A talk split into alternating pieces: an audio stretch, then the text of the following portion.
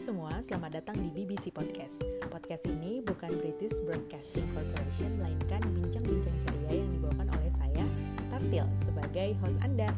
Di BBC Podcast, kita akan membahas banyak hal, dari hot issue, opini, tips dan trik, story, history, dan passion. So, stay tuned! Halo semua para pendengar BBC Podcast, makasih banget nih sampai hari ini kalian masih setia mendengarkan episode-episode yang ada di BBC Podcast. Semoga teman-teman yang stay di rumah atau yang sedang mengerjakan aktivitas apa pun sambil mendengarkan podcast ini merasa terhibur. Masih dengan topik bad news dari Indonesia, walaupun sebenarnya kok beritanya buruk mulu ya dari Indonesia gitu ya, yang dari kecelakaan pesawat lah, terus bencana alam, kemudian sekarang tidak lain tidak bukan adalah ancaman kesehatan yang ternyata masih menghantui masyarakat Indonesia nih dan seluruh dunia sebenarnya gitu ya dari tahun 2020. Nah siapa dia? Ya nggak lain nggak bukan COVID-19 gitu ya. Nah, di episode kali ini kebetulan uh, kita bakalan kedatangan guest seorang tenaga kesehatan yang bertugas di ruang ICU Rumah Sakit Pendidikan Universitas Gajah Mada. Beliau akrab dipanggil uh, Ipung ya, tapi kami manggilnya Mas Ipung karena ya kita lebih muda ya. Jadi dulu sempat kenal karena pas waktu liburan ke Tasmania dan ternyata kita punya mutual friend yakni rekan host saya sendiri di BBC Podcast yakni si Indri. Sebelum kita berbincang-bincang sama guest kita pada episode kali ini, ada beberapa fact check yang ingin saya sampaikan mengenai kondisi terbaru COVID-19. Nah, sumbernya ini dari kumparan.com per tanggal 7 Januari 2021. Jadi, negara kita, Indonesia itu berada di peringkat 17 untuk jumlah kematian dan jumlah pasien yang sembuh dari COVID-19 serta berada di peringkat ke-20 untuk kasus total kasus dan total tes untuk COVID-19 serta di peringkat ke-21 untuk kasus aktif. Selain itu juga mungkin ini sudah beredar di masyarakat bahwa Indonesia akan diperkenalkan 7 vaksin gitu ya. Dua di antaranya memiliki efikasi di atas 90% gitu ya tiga di antaranya memiliki efikasi di atas sekitar 70 sampai 79 persen, dua di antaranya dan salah satunya memiliki efikasi sekitar 65 persen. Satunya lagi masih belum teruji nih, berapa persentase efikasi yang ditunjukkan. Nah, apa sih efikasi tersebut? Jadi, kalau efikasi itu, kata seorang guru besar farmasi di UGM, merupakan suatu nilai yang menunjukkan jumlah penurunan kasus penyakit yang bisa ditangani oleh vaksinasi. Oke, tanpa berlama-lama, mari kita berbincang-bincang dengan guest kita pada episode kali ini. Ya, halo Mas, apa kabar? Halo. Makasih banget nih udah mau uh, menyempatkan waktu untuk berbincang-bincang di BBC Podcast. Mungkin bisa perkenalan singkat dulu, Mas. Silakan. Oke, perkenalan dulu ya. Uh, nama saya Purwadi Sujalmo.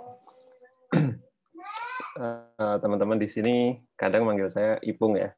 Terus nanti kalau di podcast ini yang kalau dipanggil Ipung berarti mereka udah deket sama saya. Terus ya sekarang kerja di Rumah Sakit Akademik UGM kalau ada yang nanya ini rumah sakit apa, ini rumah sakit punya Kementerian Pendidikan dan Kebudayaan di bawah Universitas Gajah Mada. Terus saat ini posisinya di PC ruang atau kepala ruang intensive care unit, terutama pada pasien-pasien uh, yang mengalami atau terinfeksi SARS-CoV-2 atau COVID-19. Terus kapasitas bednya ada lima tempat tidur dan empat mesin alat bantu nafas atau ventilator.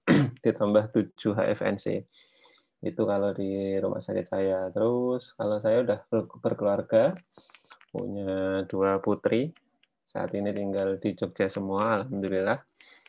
Uh, mungkin itu perkenalan singkatnya. Ada lagi? Oke. Enggak sih mas, itu aja. Mungkin kalau ada yang mau ditambahin juga nggak apa-apa sih. Tapi kayaknya udah cukup kali ya. Ya, cukup. ya nih Mas ngomong-ngomong tentang COVID-19 kan, ternyata kita tuh nggak ada yang nyangka kalau misalnya apa sih COVID-19 ini akhir eh ternyata bakalan to be continued gitu loh sampai 2021 gitu kan. Nah, mungkin bisa cerita-cerita dikit Mas kira-kira dari perspektif uh, tenaga medis gitu ya yang udah berjuang dari tahun lalu gitu kira-kira kira-kira tantangannya apa sih sebagai uh, nakes itu apa? Apalagi kayak kita di Indonesia ini mungkin di beberapa uh, pusat kesehatan masyarakat itu fasilitasnya ini ya terbatas gitu ya. Kayak ICU lah terus apa namanya uh, ventilator dan lain-lain sebagainya gitu. Gimana tuh mas? Uh, jadi pas waktu awal pandemi sebenarnya saya sebagai tenaga kesehatan punya kekhawatiran tersendiri. Di mana sebelum pandemi itu dideklarkan atau disampaikan oleh pemerintah, sebenarnya yang kekhawatiran saya selain fasilitas tenaga kesehatan adalah pelayanan terhadap uh, lansia atau pelayanan terhadap masyarakat yang punya komorbid. Dan itu membuat pasien yang terinfeksi SARS-CoV-2 menjadi lebih parah. Komorbid seperti apa? Komorbid seperti hipertensi, diabetes, atau pelayanan terhadap ibu hamil. Nah, oke kalau di kota-kota besar mungkin pelayanan terhadap pasien-pasien atau masyarakat yang punya komorbid ini uh, bisa terlayani dengan baik. Tapi kalau di daerah-daerah, nah itu yang saya takutkan eh, malah terjadi chaosnya di situ. Terus di di kota aja kadang pelayanannya ambur eh, agak tidak bagus atau semerawut apalagi di daerah gitu. Tuh terus eh, edukasi masyarakat tentang pengendalian hipertensi pengendalian gula habis itu tentang pengecekan rutin saat kehamilan. Nah itu pun juga masih terus kita galakkan sampai sekarang dan targetnya targetnya belum pernah merasa cukup atau belum pernah terpenuhi. Itu ketakutan pertama. Jadi dari masyarakat yang punya komorbid. Terus yang kedua, ketakutan kedua sebelum pandemi itu diumumkan oleh pemerintah adalah eh, fasilitas kesehatan tadi yang disebutin. Nah, kalau fasilitas kesehatan di tempat kita udah udah canggih kayak luar negeri, eh, ruangan tekanan negatif dan sebagainya, mungkin nggak terlalu bermasalah. Tapi fasilitas kesehatan di tempat kita itu sering kali uh, masih adanya apa gitu. Jadi masih masih ter, sangat terbatas gitu. terus tenaga kesehatan di tempat kita itu uh, terbatas. Nah ini juga berkaitan sama budget kesehatan di Indonesia yang juga terbatas. Karena kalau kita mau meniru sistem kesehatan yang di luar negeri tentu saja kalau yang di negara maju karena budgetnya banyak mereka bisa membangun sistem kesehatan yang bagus. Contohnya kalau kita sama-sama alumni Australia tahulah bagaimana banyak banget ambulan di sana. Rumah sakitnya mewah-mewah megah-megah gitu. Terus budget kesehatannya juga diperhitungkan tiap tahun. Perkembangan tenaga kesehatannya juga diperhitungkan tiap tahun. Nah kalau di Indonesia udah fasilitasnya rumit regulasinya rumit fasilitas fasilitasnya eh sorry, fasilitasnya sedikit, regulasinya rumit. Nah, itu jadi kendala sih. Jadi tenaga kesehatan juga susah untuk mendapatkan tenaga kesehatan yang berkualitas dengan cara yang cepat gitu. Kalau di Australia contoh contohnya di Australia ya. Contohnya di Australia adalah ketika mereka butuh perawat atau butuh dokter dalam waktu cepat, mereka bisa potong usia pendidikan dalam waktu singkat. Tapi kalau di Indonesia, apakah itu bisa terjadi? Saya rasa pasti akan terkendala sama regulasi kayak gitu. Jadi terlalu susahnya di situ. Gitu. Iya, Mas. Uh, aku juga punya kenalan ini sih, teman uh, perawat gitu. Tapi akhirnya, eh bukan perawat deh, dia belajar tentang public health gitu ya. Tapi dia juga dapat uh, kayak pelatihan skill jadi perawat gitu di Australia dan ternyata itu tuh butuh waktu sekitar enam bulan untuk menyelesaikan studi itu dan ternyata itu bisa digunakan, maksudnya sertifikasi itu bisa digunakan sebagai dia nanti uh, misalnya udah lulus ya jadi perawat dan kalau misalnya memang dibutuhkan bisa digunakan istilahnya kayak gitu. Se, se, se bukan sesimpel itu sih maksudnya saking mudahnya gitu loh uh, apa namanya regulasi di sana dan terlepas dari apa edukasi ke masyarakat ya ternyata memang COVID itu prone banget, uh, maksudnya kayak sensitif banget sama orang-orang yang punya penyakit bawaan gitu, Mas. Well, hmm. by the way, ngomong-ngomong soal hal lain nih, Mas, tentang donor plasma gitu kan. Mungkin pendengar yang lain mungkin nggak familiar tentang hal ini gitu. Kira-kira ini apa sih, Mas? Hal apa sih donor plasma ini sampai uh, kira-kira ngetren sampai sekarang gitu loh? Bisa jelasin nggak, Mas? Kok bisa ngetren oh. gitu loh donor plasma ini? Ya, jadi yang saya tahu orang Indonesia biasanya uh, kalau ada suatu terapi dan sembuh, biasanya langsung viral. Entah itu apa pun terapinya. Misal kayak ya mohon maaf. Banyak banget terapi terapi terapi alternatif yang jadi viral. Misal kayak apa kemarin probiotik. Habis itu setelah probiotik uh, muncul apa lagi ya? Habis probiotik habis itu uh, apa namanya? Uh, bawang putih. Nah, jadi beberapa pasien COVID yang saya temui di rumah sakit itu makan bawang putih langsung, jadi nggak dipakai dimasak, langsung dikunyah gitu. Saya kaget ini dari mana mereka dapetin informasi seperti ini gitu. Bahkan mereka juga rela membeli berbagai obat-obat alternatif dari luar negeri. Ternyata ketika saya gali, ketika saya gali oh ternyata memang ada grup WhatsApp dan grup Telegram. Sorry kalau nyebut aplikasi, tapi uh, di grup tersebut itu mereka membagikan pengalamannya dalam uh, saat menjadi penyintas COVID-19 gitu. Jadi saat menjadi penyintas mereka membagikan pengalamannya. Nah, terus akhirnya pengalaman itu tersebar sebagai informasi dan informasi itu tersebar sebagai evidence base, evidence base. Nah, Padahal sebenarnya itu hanya sebatas informasi yang belum tentu evidence base. Artinya, oke okay, itu ada klaim bahwasanya saya sembuh karena terapi tersebut, terus habis itu, tapi bagaimana dengan orang-orang dengan penyakit yang sama? Apakah mengalami efek yang sama juga? Nah itu belum tentu gitu. Dan itu butuh penelitian untuk membuat informasi tersebut menjadi sebuah evidence base dan bisa digunakan sebagai terapi. Gitu. Nah, eh, kalau dari definisi terapi plasma covalence itu sendiri. Jadi kalau memang ini masih disebut sebagai pengobatan alternatif karena tidak bahkan seluruh dunia belum bisa menyatakan ini adalah pengobatan definitif uh, pasien COVID-19 dapat diobati dengan terapi plasma konvalens karena persyaratannya pun rumit gitu. Terus habis itu Oh, belum ada penelitian yang mampu membuktikan secara definitif bahwasanya ini adalah terapi untuk pasien COVID. Di luar di negara-negara maju ini belum diterapkan terapi plasma konvalensi ini. Kan tapi beberapa penelitian di Indonesia uh, yang menyatakan yang me, apa yang meneliti tentang terapi tersebut menyatakan terapi ini memiliki efek terhadap pasien yang memiliki gejala sedang.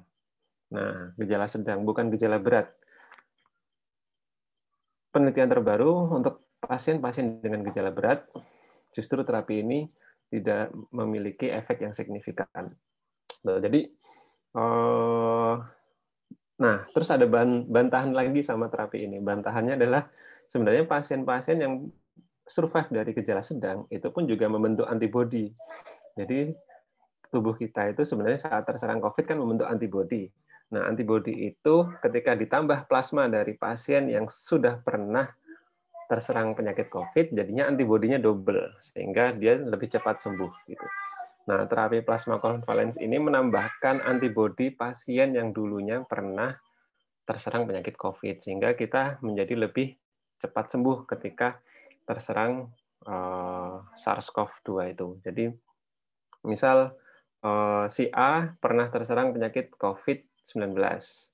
Lalu gejalanya sedang. Gejala sedang itu seperti apa? Gejala sedang itu demam, batuk, pilek, diare, habis itu uh, demamnya juga lebih dari tiga hari biasanya sampai 39 derajat Celcius terus habis itu ronsen ronsen toraknya atau gambaran ronsen parunya itu terjadi pneumonia atau ada gambaran yang tidak normal di situ terus habis itu diare, BAB eh, cair lebih dari dua kali selama satu hari. Nah, itu masuk dalam gejala sedang.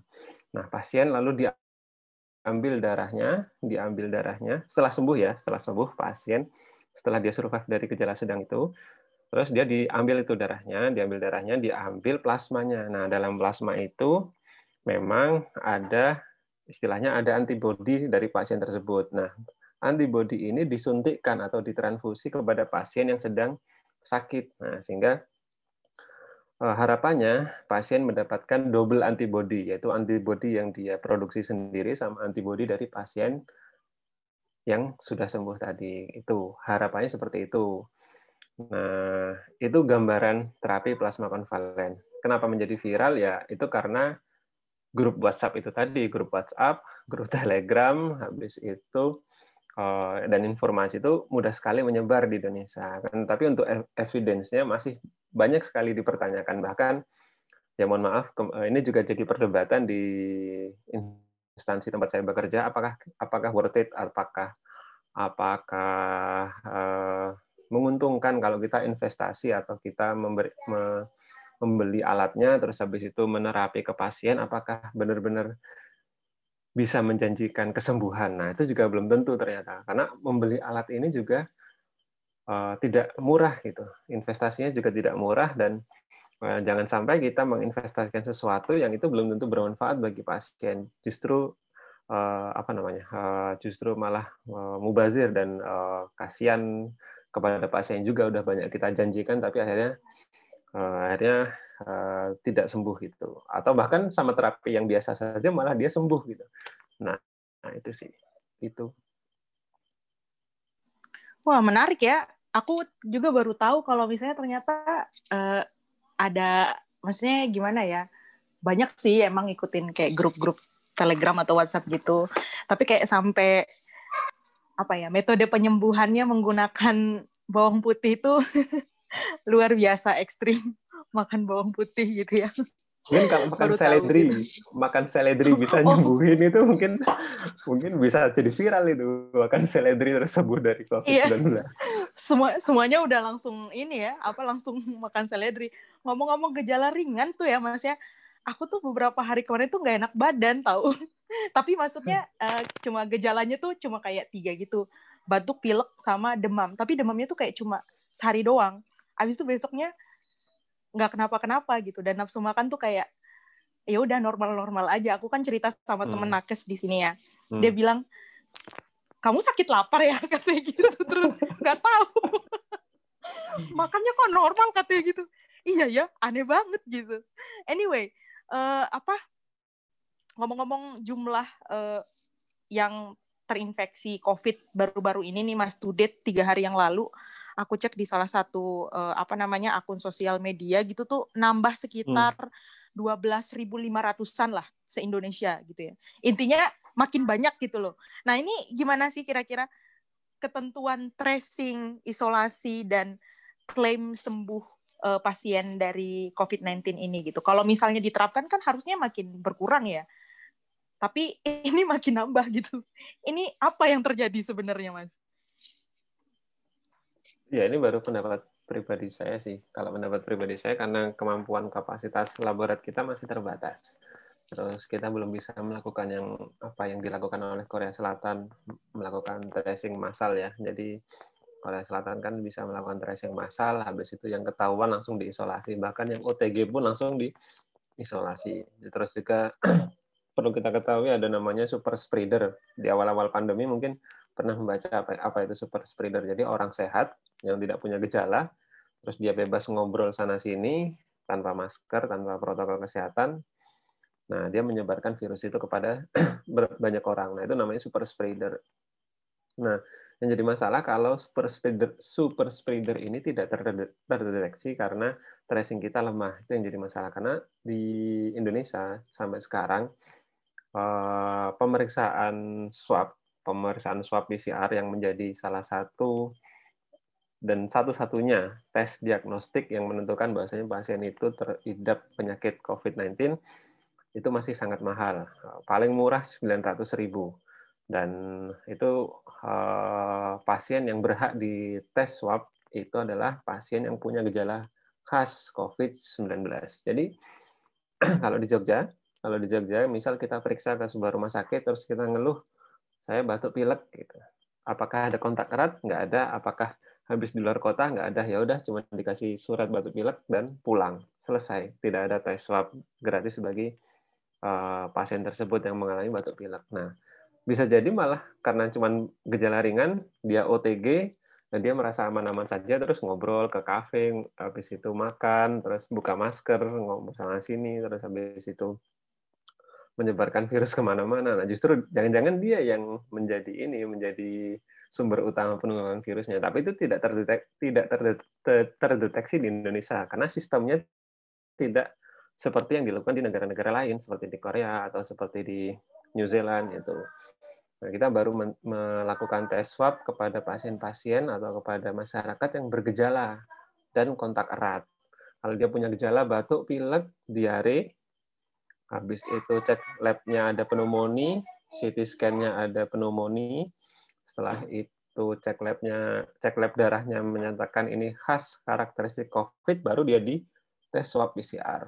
Nah, itu itu yang menjadi tracing kita menjadi sangat ketat karena keterbatasan. Kalau saya prediksi karena keterbatasan lab ya, karena sempat juga di Jogja, Jogja itu kasusnya cuma 400 dua hari ini, Jogja itu kasusnya cuma 400, cuman ya dibandingin Jakarta yang kasusnya bisa mencapai 2000 atau Bandung kemarin yang uh, Jawa Barat sorry bisa mencapai 3000, Jogja itu baru 400 itu. Nah itu laboratoriumnya, laboratorium di Fakultas Kedokteran sudah menolak sampel-sampel dari beberapa rumah sakit atau bahkan laboratoriumnya sudah ada inden. Jadi ada ada apa namanya sampel yang mengantri belum sempat untuk diperiksa gitu. Jadi ya wabah ini uh, mengakibatkan penumpukan atau mengakibatkan uh, kerja-kerja di instansi laborat jadi berat jadi menumpuk itu sih. Jadi tracingnya pun juga tidak berjalan dengan baik gitu I see. Iya kalau nginget-nginget tentang apa namanya korsel ya, tapi itu pas zaman-zaman ini sih, pas mereka lockdown gitu ya. ya uh, teman aku ya. yang uh, teman aku yang kuliah di Korea Selatan itu cerita gitu kalau ternyata emang di korsel itu wow luar biasa sekali ya. Uh, jadi mereka itu emang ada lokasi khusus tempat terbuka dan menghimbau semua orang untuk dites. Habis itu mereka harus apa namanya nyalain GPS-nya dan mereka diantarin gitu loh sampai pulang biar tahu alamatnya kayak gitu. Dan bahkan juga ada beberapa teman mungkin yang kemarin baru balik liburan dari Indonesia terus ke Australia juga ternyata uh, diberlakukan seperti itu gitu untuk uh, apa namanya tahu dia tuh posisinya di mana sekarang jangan sampai di luar dari 14 hari mereka itu uh, apa berkeliaran keluar keluar gitu. uh, berkeliaran dan nggak tahu dia tuh membawa sesuatu dalam tubuhnya gitu iya ngomong-ngomong tentang pasien covid yang udah sembuh nih mas kira-kira selama pemantauan gitu ya apakah ada di antara mereka yang mengalami penurunan fungsi organ gitu setelah dinyatakan negatif dari COVID-19? Beberapa uh, pasien yang dinyatakan negatif dari COVID-19, saya cuma dapat dari testimoni dari rekan-rekan saya, karena rekan-rekan saya dokter dan perawat beberapa juga sempat terdiagnosa uh, positif COVID-19, mereka biasanya mengalami Eh, kesulitan bernafas yang berkepanjangan. Jadi nafas jadi terasa lebih cepat, terus habis itu jalan sedikit menjadi lebih lelah, terus uh, merasa tubuh susah untuk kembali fit. Itu yang mereka sering rasakan ketika sudah terdiagnosa COVID-19. Terus pada beberapa pasien yang sembuh dari gejala sedang, terus kontrol periksa ke rumah sakit, biasanya masih ada gejala batuk pileknya. Ah sorry, batuk aja sih. Kalau pilek jarang. Cuman batuk kering, terus habis itu sesak nafasnya masih ada. Bahkan ada sampai pasien yang masuk ke rumah sakit itu seperti uh, pasien COVID lainnya. Akhirnya dia masuk ke rumah sakit setelah sembuh ya, setelah sembuh masuk ke, lagi ke rumah sakit dan dites swab lagi dan itu positif itu juga ada, tapi jarang banget, jangan jarang banget terjadi. Nah, jadi uh, pasien COVID, yang sembuh dari COVID-19 itu masih bisa terjangkit virus SARS-CoV-2 lagi. Terus habis itu pasien yang sembuh dari COVID-19 pada gejala sedang ataupun gejala ringan itu paling sering mengalami itu mengalami sesak nafas atau bat, uh, atau batuk kering yang berkepanjangan karena jaringan yang paling dirusak di pasien COVID-19 itu yang paling dirusak itu adalah paru-paru paru-parunya dirusak karena alveoli atau kantong-kantong udaranya itu tidak ber, tidak berfungsi dengan baik dirusaknya di situ. Terus beberapa pasien juga mengalami kerusakan pada dinding pembuluh jantung. Jadi itu tapi hanya sedikit yang mengalami kerusakan pada dinding pembuluh jantung. Itu ditandai dengan pengobatan apa ditandai dengan pemeriksaan laboratorium sih. Itu. Jadi uh, yang ya itu sih yang sering saya dapati pada pasien yang sudah sembuh COVID-19 gitu. I, hmm, I see. Aku kira mereka bakalan kayak lebih kebal lagi kayak gitu. Tapi karena mungkin uh, kemarin-kemarin belum ada vaksin kali ya. Ngomong-ngomong vaksin nih Mas, katanya kan bakalan ada tujuh jenis vaksin nih yang bakalan dipakai eh, di Indonesia gitu. Nah, ngomong-ngomong vaksin juga kan banyak ya pro dan kontranya tentang uh, penggunaan vaksin ini. Padahal beberapa kepala negara di seluruh dunia tuh kayak udah volunteer menjadi orang pertama istilahnya di negara tersebut untuk diberikan vaksin kayak gitu. Kira-kira uh, gimana nih pandangan tenaga kesehatan menyikapi hal ini?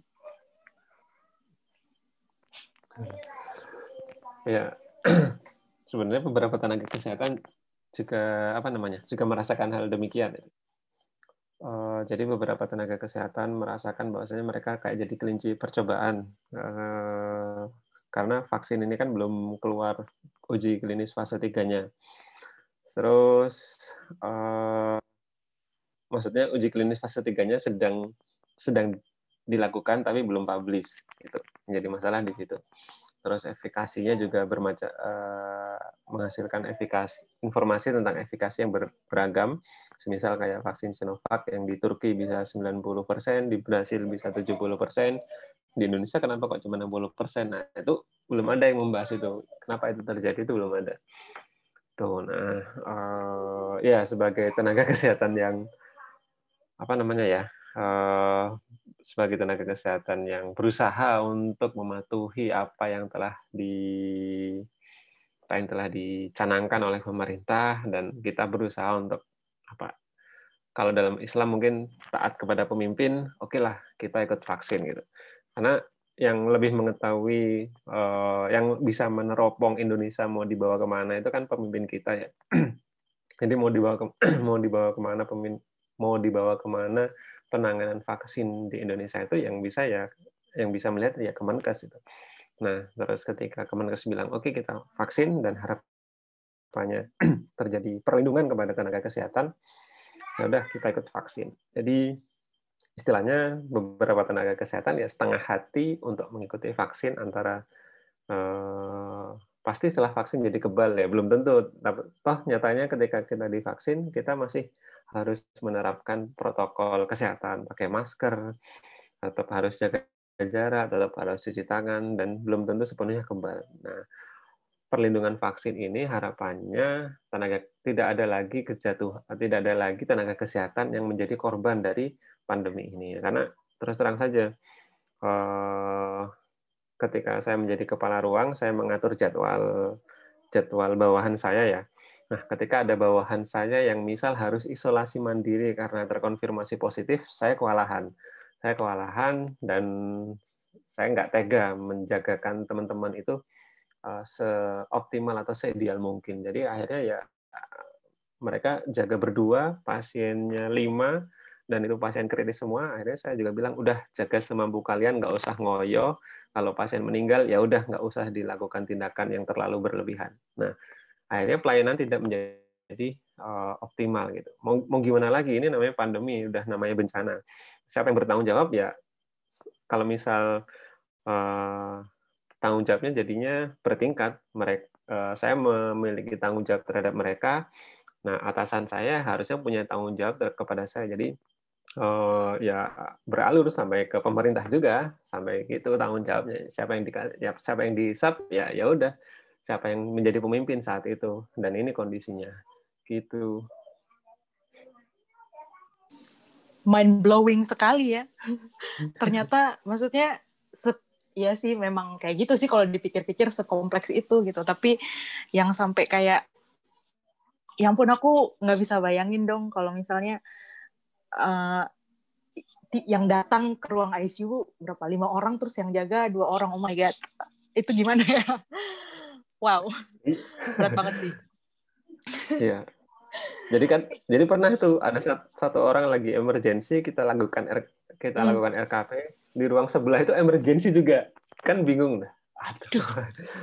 Terus ya udah.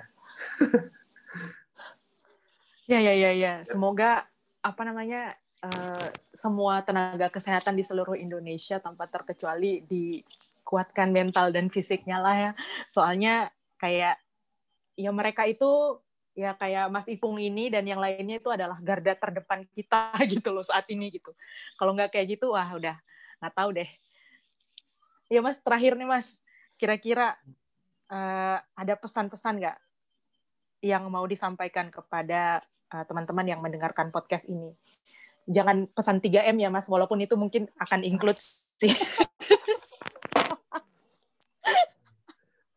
aku udah antisipasi duluan jadi barusan ada cerita menarik nih Tartil di mana? Mangga mangga. Di artikelnya asumsi.com co.id ya di situ di Instagramnya tentang suku Baduy yang sampai saat ini suku Baduy itu di Jawa Barat ah, ya. Iya, aku lihat, aku lihat di Face ID. Nah, itu sampai sekarang belum ada satupun uh, anggota dari suku Baduy yang terkonfirm COVID-19. Artinya uh, sebenarnya kalau kita bisa menahan diri untuk keluar rumah, kita kita bisa menahan diri untuk tidak apa? tidak tidak terlalu aktif atau menahan diri saat berbicara, menahan diri dengan menggunakan masker, terutama orang-orang yang ya karena penyebaran virus ini dengan berbicara ya, dengan ngobrol lalu uh, makan bareng dan sebagainya. Nah, kita menahan diri untuk itu semua, mencukupkan diri bisa masak sendiri di rumah, belajar masak di rumah. Dulu pas awal-awal pandemi masih ingat dalgona ya. Nah, itu kan juga ada manfaatnya sebenarnya kalau kita di rumah kita bisa jadi belajar masak terus habis itu mencukupkan diri dengan apa yang uh, ada terus habis itu uh, kita menjadi orang-orang ya udah karena masa pandemi uh, kita nggak perlu terlalu berfoya-foya nggak usah minder nggak bisa apa nggak bisa traveling nggak bisa ke pantai itu kita menahan diri dengan itu semua maka uh, insya Allah uh, akan menjadi lebih pandemi ini jadi lebih terkendali gitu. Jadi pandemi ini jadi lebih uh, terkontrol gitu.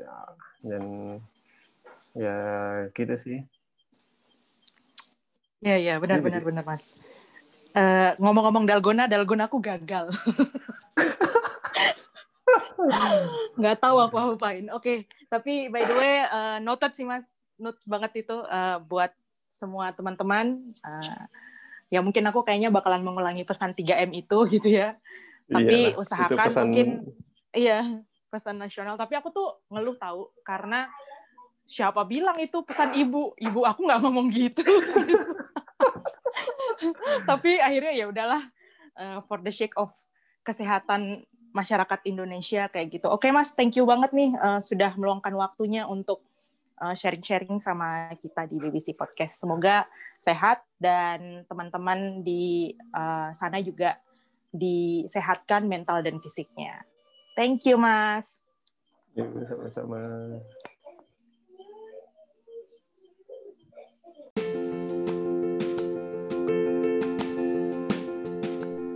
Wah, thank you banget nih udah mau dengerin podcast ini. Untuk update, jangan lupa ya follow semua sosial media podcast kita di Twitter, Facebook, dan Instagram.